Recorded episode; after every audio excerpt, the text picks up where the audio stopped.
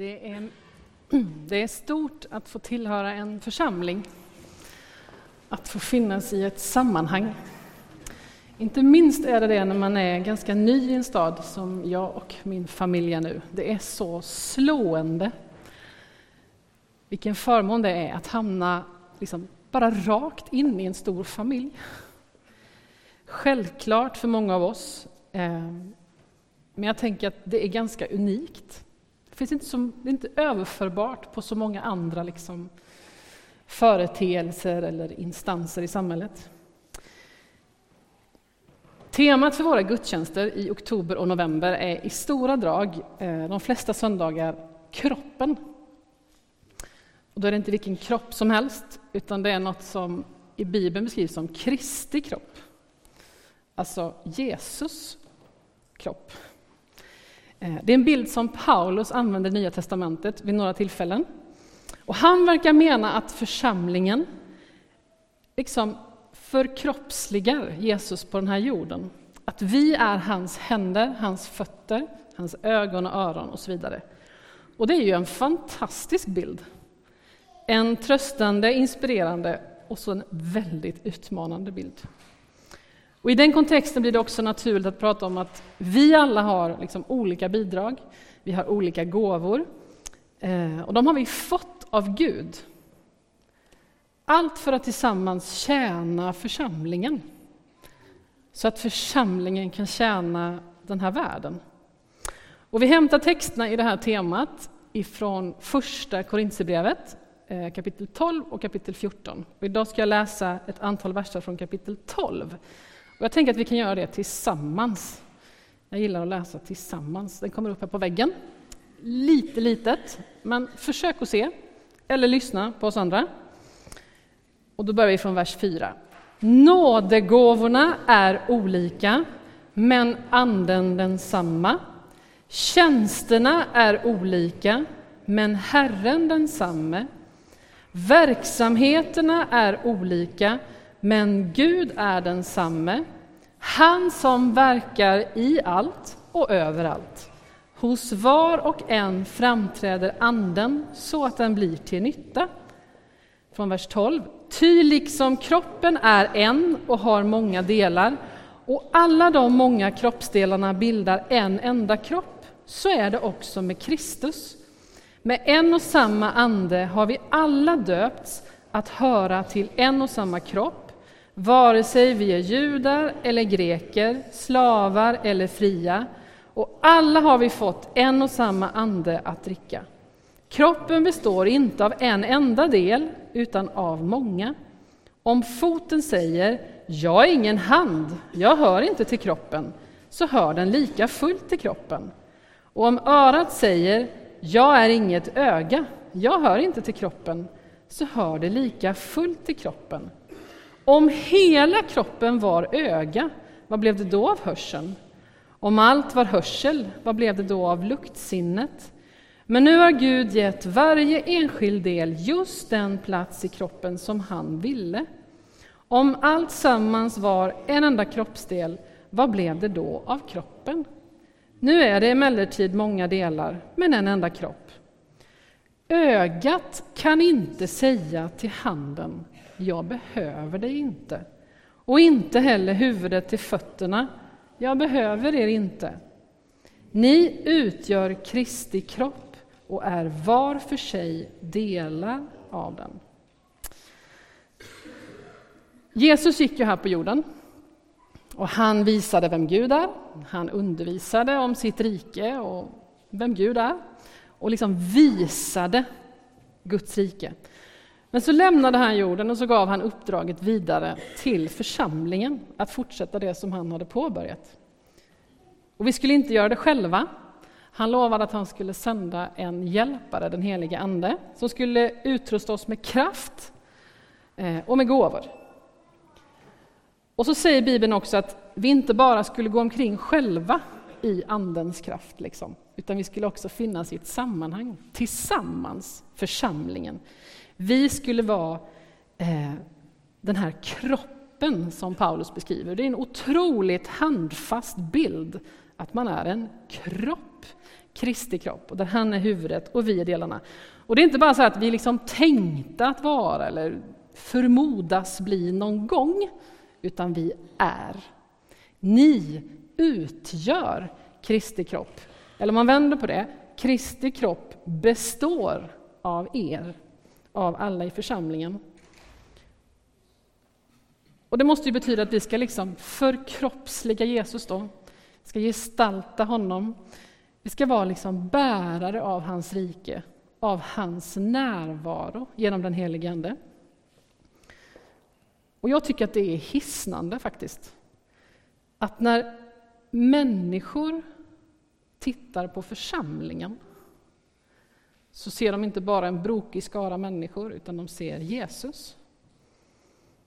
Och att församlingen omvänt är ja, det man kan se av Jesus. Hans händer och hans fötter. Och så handlar det om alla i församlingen. Alla som följer Jesus. Alla som har tagit emot honom. Om var och en. Inte så här liksom, först måste du som troende liksom hänga i ett tag och beta av liksom A-kursen och B-kursen och grundkursen och andra kurser. Och sen blir du del i kroppen. Nej, alla utgör den här kroppen. Och så är det också det här fantastiska att det är Gud som gör det. Det är hans verk, det är han som verkar i oss, det är hans idé. Det är hans tanke, det är han som lyser igenom. Och förra söndagen så handlade det ganska mycket om att vi liksom är inbjudna, att vi får vara med, att vi var och en behövs och att vi alla har ett bidrag. Och att vi har fått de här gåvorna av ren och skär nåd. Och så idag vill jag bara skruva, och det är lite obagligt för mig, men jag vill skruva lite på de här grejerna och vara lite uppfordrande. Ehm, um, yep.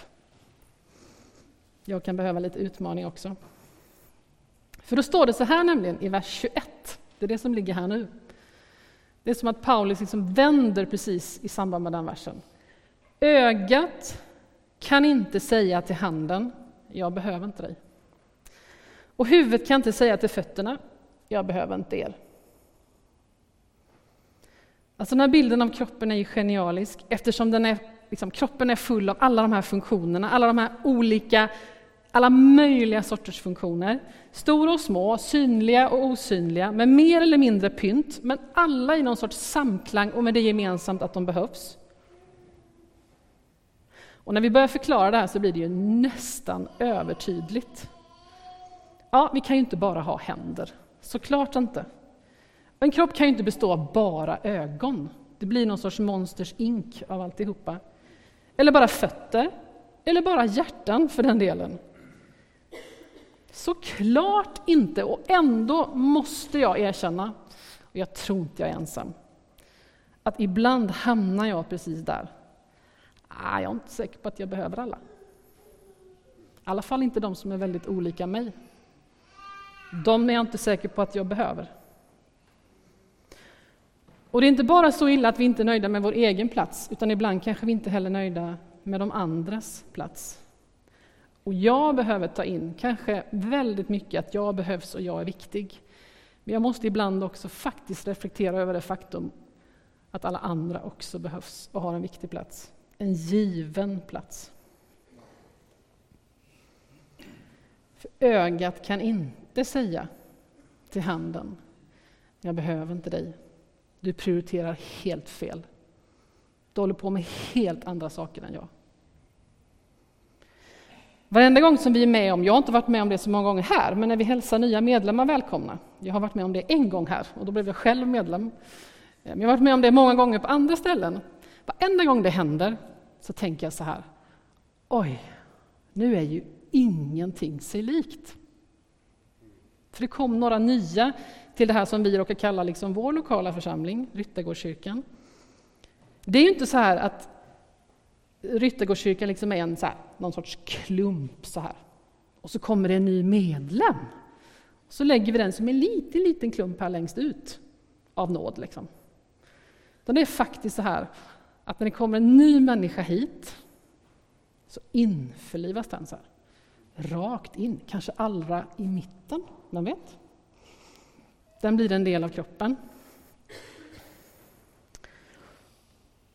Och det är inte säkert att vi alltid tycker att det bara är härligt. Får man ens säga så? Det är inte säkert att vi alltid tycker att det bara är härligt. För vad händer nu med min plats? Blir det lite trängre kanske? Eller får jag rent av flytta på mig?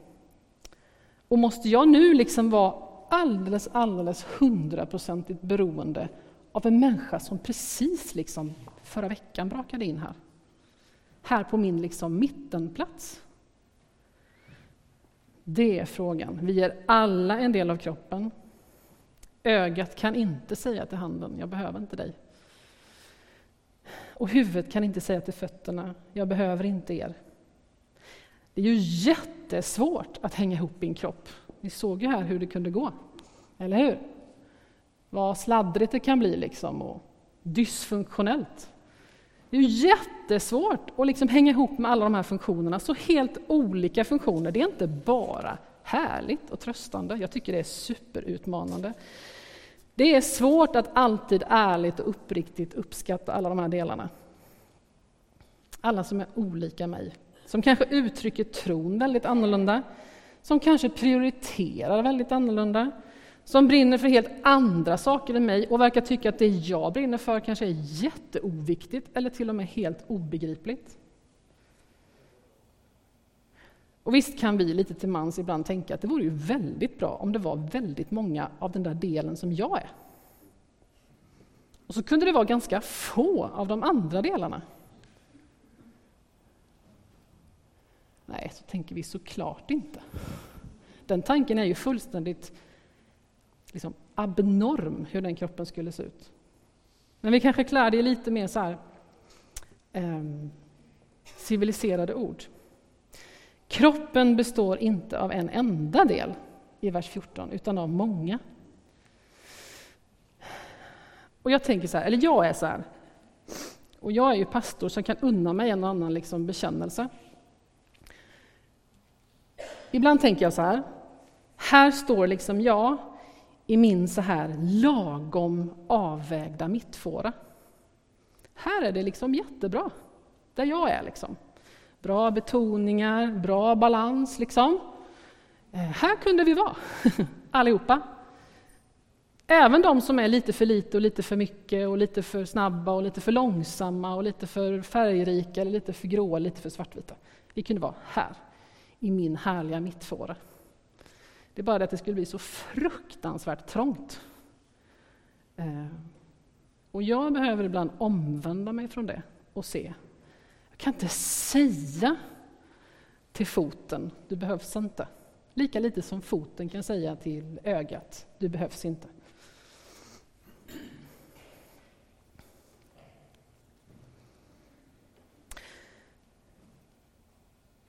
Jag tänker att vi behöver fundera på, jag behöver fundera på hur det står till liksom med mig och min plats i kroppen. För det är lätt att tänka, en fot är snabb och bra. Det vill jag vara. Jag behöver inte de andra. Jag kan möjligtvis slå mig samman med den andra foten då. Vilken fart det skulle bli! Vad vi skulle komma framåt. Vi behöver inte de här andra delarna som bara liksom är ögon och öron och axlar. Och så är det ju. Du som är foten, du behövs ju. Ditt bidrag är unikt och alldeles underbart. Men det gäller för alla andra också. Och det blir inte så mycket av den här språngmarschen om ingen ser vart vägen bär. Och sen blir det inte så mycket med att se vart vägen bär om ingen springer, eller hur? Vi behöver alla varandra.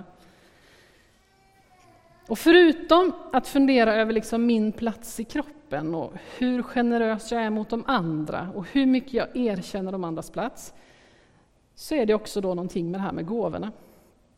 Och då sa ju Fredrik Lignell förra söndagen, vår föreståndare, så underbart att vi har alla fått gåvor och det är bara av nåd. Det gäller alla. Vi har inte fått dem efter förtjänst och de är olika efter personlighet och förutsättningar. Så att det efter vars och ens förmåga skulle bli en fantastisk helhet. Ibland verkar vi tro att vi inte är tillräckligt begåvade. Det är några av oss som har de problemen. Och ibland kanske vi lite sådär blir lite uppnästa och tänker att jag har nog ändå förtjänat det här. Jag har ändå varit rätt trogen. Och då behöver vi få se igen och igen att det är av nåd. Och jag har faktiskt fått. Med det sagt så vill jag bli lite allvarlig då igen. Och jag predikar lika mycket till mig själv som till någon annan. När vi nu har fått de här gåvorna, vad gör vi med dem? Låter vi dem få blomma? Låter vi liksom vår talang, vår, våra gåvor, allt det här som Anden också liksom ingjuter i oss, låter vi det få lysa? Allt det här goda som Gud har gett oss. Eller tror vi att vi kan liksom gömma oss bakom en massa anledningar att slippa undan för att inte använda vår begåvning så mycket som möjligt? Gömmer ibland till och med jag det bakom så lite fromma uttryck som är tänkta att kanske låta ödmjuka, men som inte är det. Ibland kanske jag är rädd att mitt bidrag inte ska falla väl ut. Kanske att man ska bli bedömd på ett negativt sätt. Kanske har blivit det någon gång innan, är rädd för samma sak igen. Ibland kanske det är stoltheten som stoppar mig. Tänk om inte det liksom lever upp till min nivå, eller, eller tänk om jag misslyckas, är jag beredd till det? Man kan bli bekväm, man kan bli rädd. Tänk om någon är mer begåvad än jag, hur blir det då? Min poäng är egentligen att vi kan gömma oss bakom en massa ursäkter. Och vi kan låta bli att blomma i det där som Gud har gett oss. Eller för att använda ett gammaldags uttryck hämtat från Bibeln, vi gräver ner vårt pund. I somras så fick jag höra en, en underbar definition av ordet ödmjukhet. Och det var så här, ödmjukhet det är att hålla med Gud om vem jag är. Alltså, ödmjukhet är att liksom bli överens med Gud om vem han har gjort mig till och vad han har utrustat mig med. Och när vi kan leva så, så tänker jag att våra gåvor får ett fantastiskt utlopp utan att det blir så mycket problem med att jag tar åt mig äran själv, eller liksom, det blir inte så krångligt. Såklart blir Gud ärad. Vi, är ju liksom i, vi samarbetar ju. Och samtidigt så får jag ha roligt och det får bli liksom det här lite sprudlande och lite kokande och lite kreativt och lite blomstrande när mina gåvor kommer till fullt uttryck. Är det inte så vi vill ha det? Tänk att få liksom leva i nåden, att förundras och vara tacksam över bara titta på vad Gud gör genom mig. Det är ju fantastiskt. De ögonblicken som det är så, så är ju livet fantastiskt, meningsfullt, värdefullt, när vi är noggranna med vår tid. Och då tänker jag att när det är så, så kan vi våga stå på fullt ut. Fullt ut, utan att det krockar med någon annan. Om de andra liksom också är överens med Gud om vilka de är och vad han har gjort oss till. Då är vi inte i vägen för någon annan. Och jag behöver inte känna att någon annan är i vägen för mig. Det kan låta fromt och ödmjukt att någonstans vänta på sin plats eller hålla tillbaka, men jag tror inte att det är det. Ödmjukhet är att hålla med Gud om, bli överens med Gud om vem han har gjort mig till, vad han har utrustat mig med. Och så liksom nästan stå och titta på så här. Oj, oj vad det blev liksom. Det är ju inte jag riktigt, eller det är det ju. Det är ju Gud och i mig. Och så. Kolla vad det blev. Vad härligt, vad glad jag får vara. Vad meningsfull min tillvaro är. Att förmera det som vi har fått av Gud, inte förminska det. Så att hela kroppen byggs upp och växer till i kärlek. Om man riktigt vill spetsa till det, jag kan göra det till mig själv då. Tänk om det är så att mina gåvor inte riktigt är mina. Tänk om liksom min talang inte riktigt är upp till mig att bestämma över. Tänk om det går att säga att min liksom begåvning bara är till låns. De är Guds. De är inte riktigt upp, för, liksom, det är inte riktigt upp till mig att bestämma över dem. Nu är det ju det. Men om vi bara skulle liksom snudda vid bara det här. Oj, liksom Gud, skaparen, som skapade det stora, han har också liksom gett mig någonting och det får jag ge tillbaka. Så att hela livet blir den här lovsången som Johanna talade om. Allt det här är givet så att kroppen skulle byggas upp. Hans kyrka.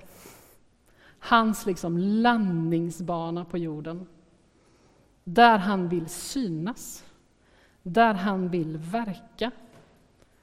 Och då handlar det om mycket, mycket mer än de här väggarna. Då handlar det om hela den här världen. Så det är ganska allvarligt. Jag tror att man skulle kunna säga så här, jag ska inte lägga ord egentligen i Fredriks mun som predikade förra söndagen, men jag tror lite förenklat att man kan säga att vi har sagt typ fyra grejer. Här kommer de. För det första, du behövs. Du behövs i kroppen. Utan dig blir kroppen inte komplett. Då saknas det delar. Men du behöver också se att det gäller för alla de andra. Du kan aldrig exkludera någon. Tycka att det är liksom fel på dem eller så. Det är i så fall Guds sak. Du behöver se de andra. Det är inte upp till oss att inte vilja höra ihop, för vi gör det. Det är inte upp till oss att vara med i kroppen eller inte. Vi är kroppen. Du har fått gåvor för det tredje, och det är bara nåd. Det är ingen guldklocka efter lång och trogen tjänst. Det är bara nåd. Ibland är det skönt och ibland blir vi lite sådär, ah, hade det varit trevligt om det var lite av förtjänst. Men det är det inte. Du har fått gåvor. De är generöst utdelade till höger och vänster. Men för det fjärde, med det sagt, vad du gör med dina gåvor, det är noga och allvarligt, för det är Guds gåvor till dig. Han bryr sig om att de blir till nytta. Han bryr sig om det, tänker jag, faktiskt först och främst för din skull. Eftersom han älskar dig så vill han att du ska ha ett gott och skönt och meningsfullt liv då du får förundras över allt det som du får betyda. Men han bryr sig också om att du använder dem för hans kropps skull, för hans kyrkas skull, för den här världens skull. Så att det kommer till nytta, så att det ärar honom, så att det drar människor till honom och att den här världen blir förvandlad. Och kanske är det så att han ibland undrar när han ser på mig, men hallå, det där har ju inte liksom blivit någonting med. Det där har du ju glömt bort, Ea. Så knackar han lite, viskar kanske. Kom ihåg, jag sa ju en gång att du hade fått det där. Du testade lite, men någonting hände. Så det frös inne och du är rädd. Men jag har inte ångrat mig. Jag tar inte tillbaka. Och om någon gjorde dig illa så är liksom jag här för att bara resa dig upp igen. Det är mitt ord som gäller, ingen annans. Ska vi be?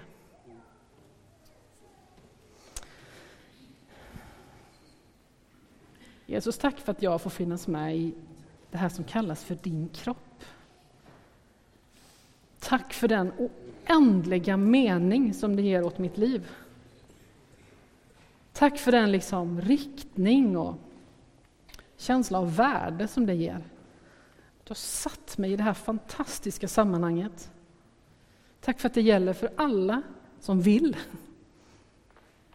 Som vill liksom vara din, som vill vara din efterföljare, som vill tro på dig. Då säger du, du är min kropp. Du är det sätt som jag blir synlig på den här jorden.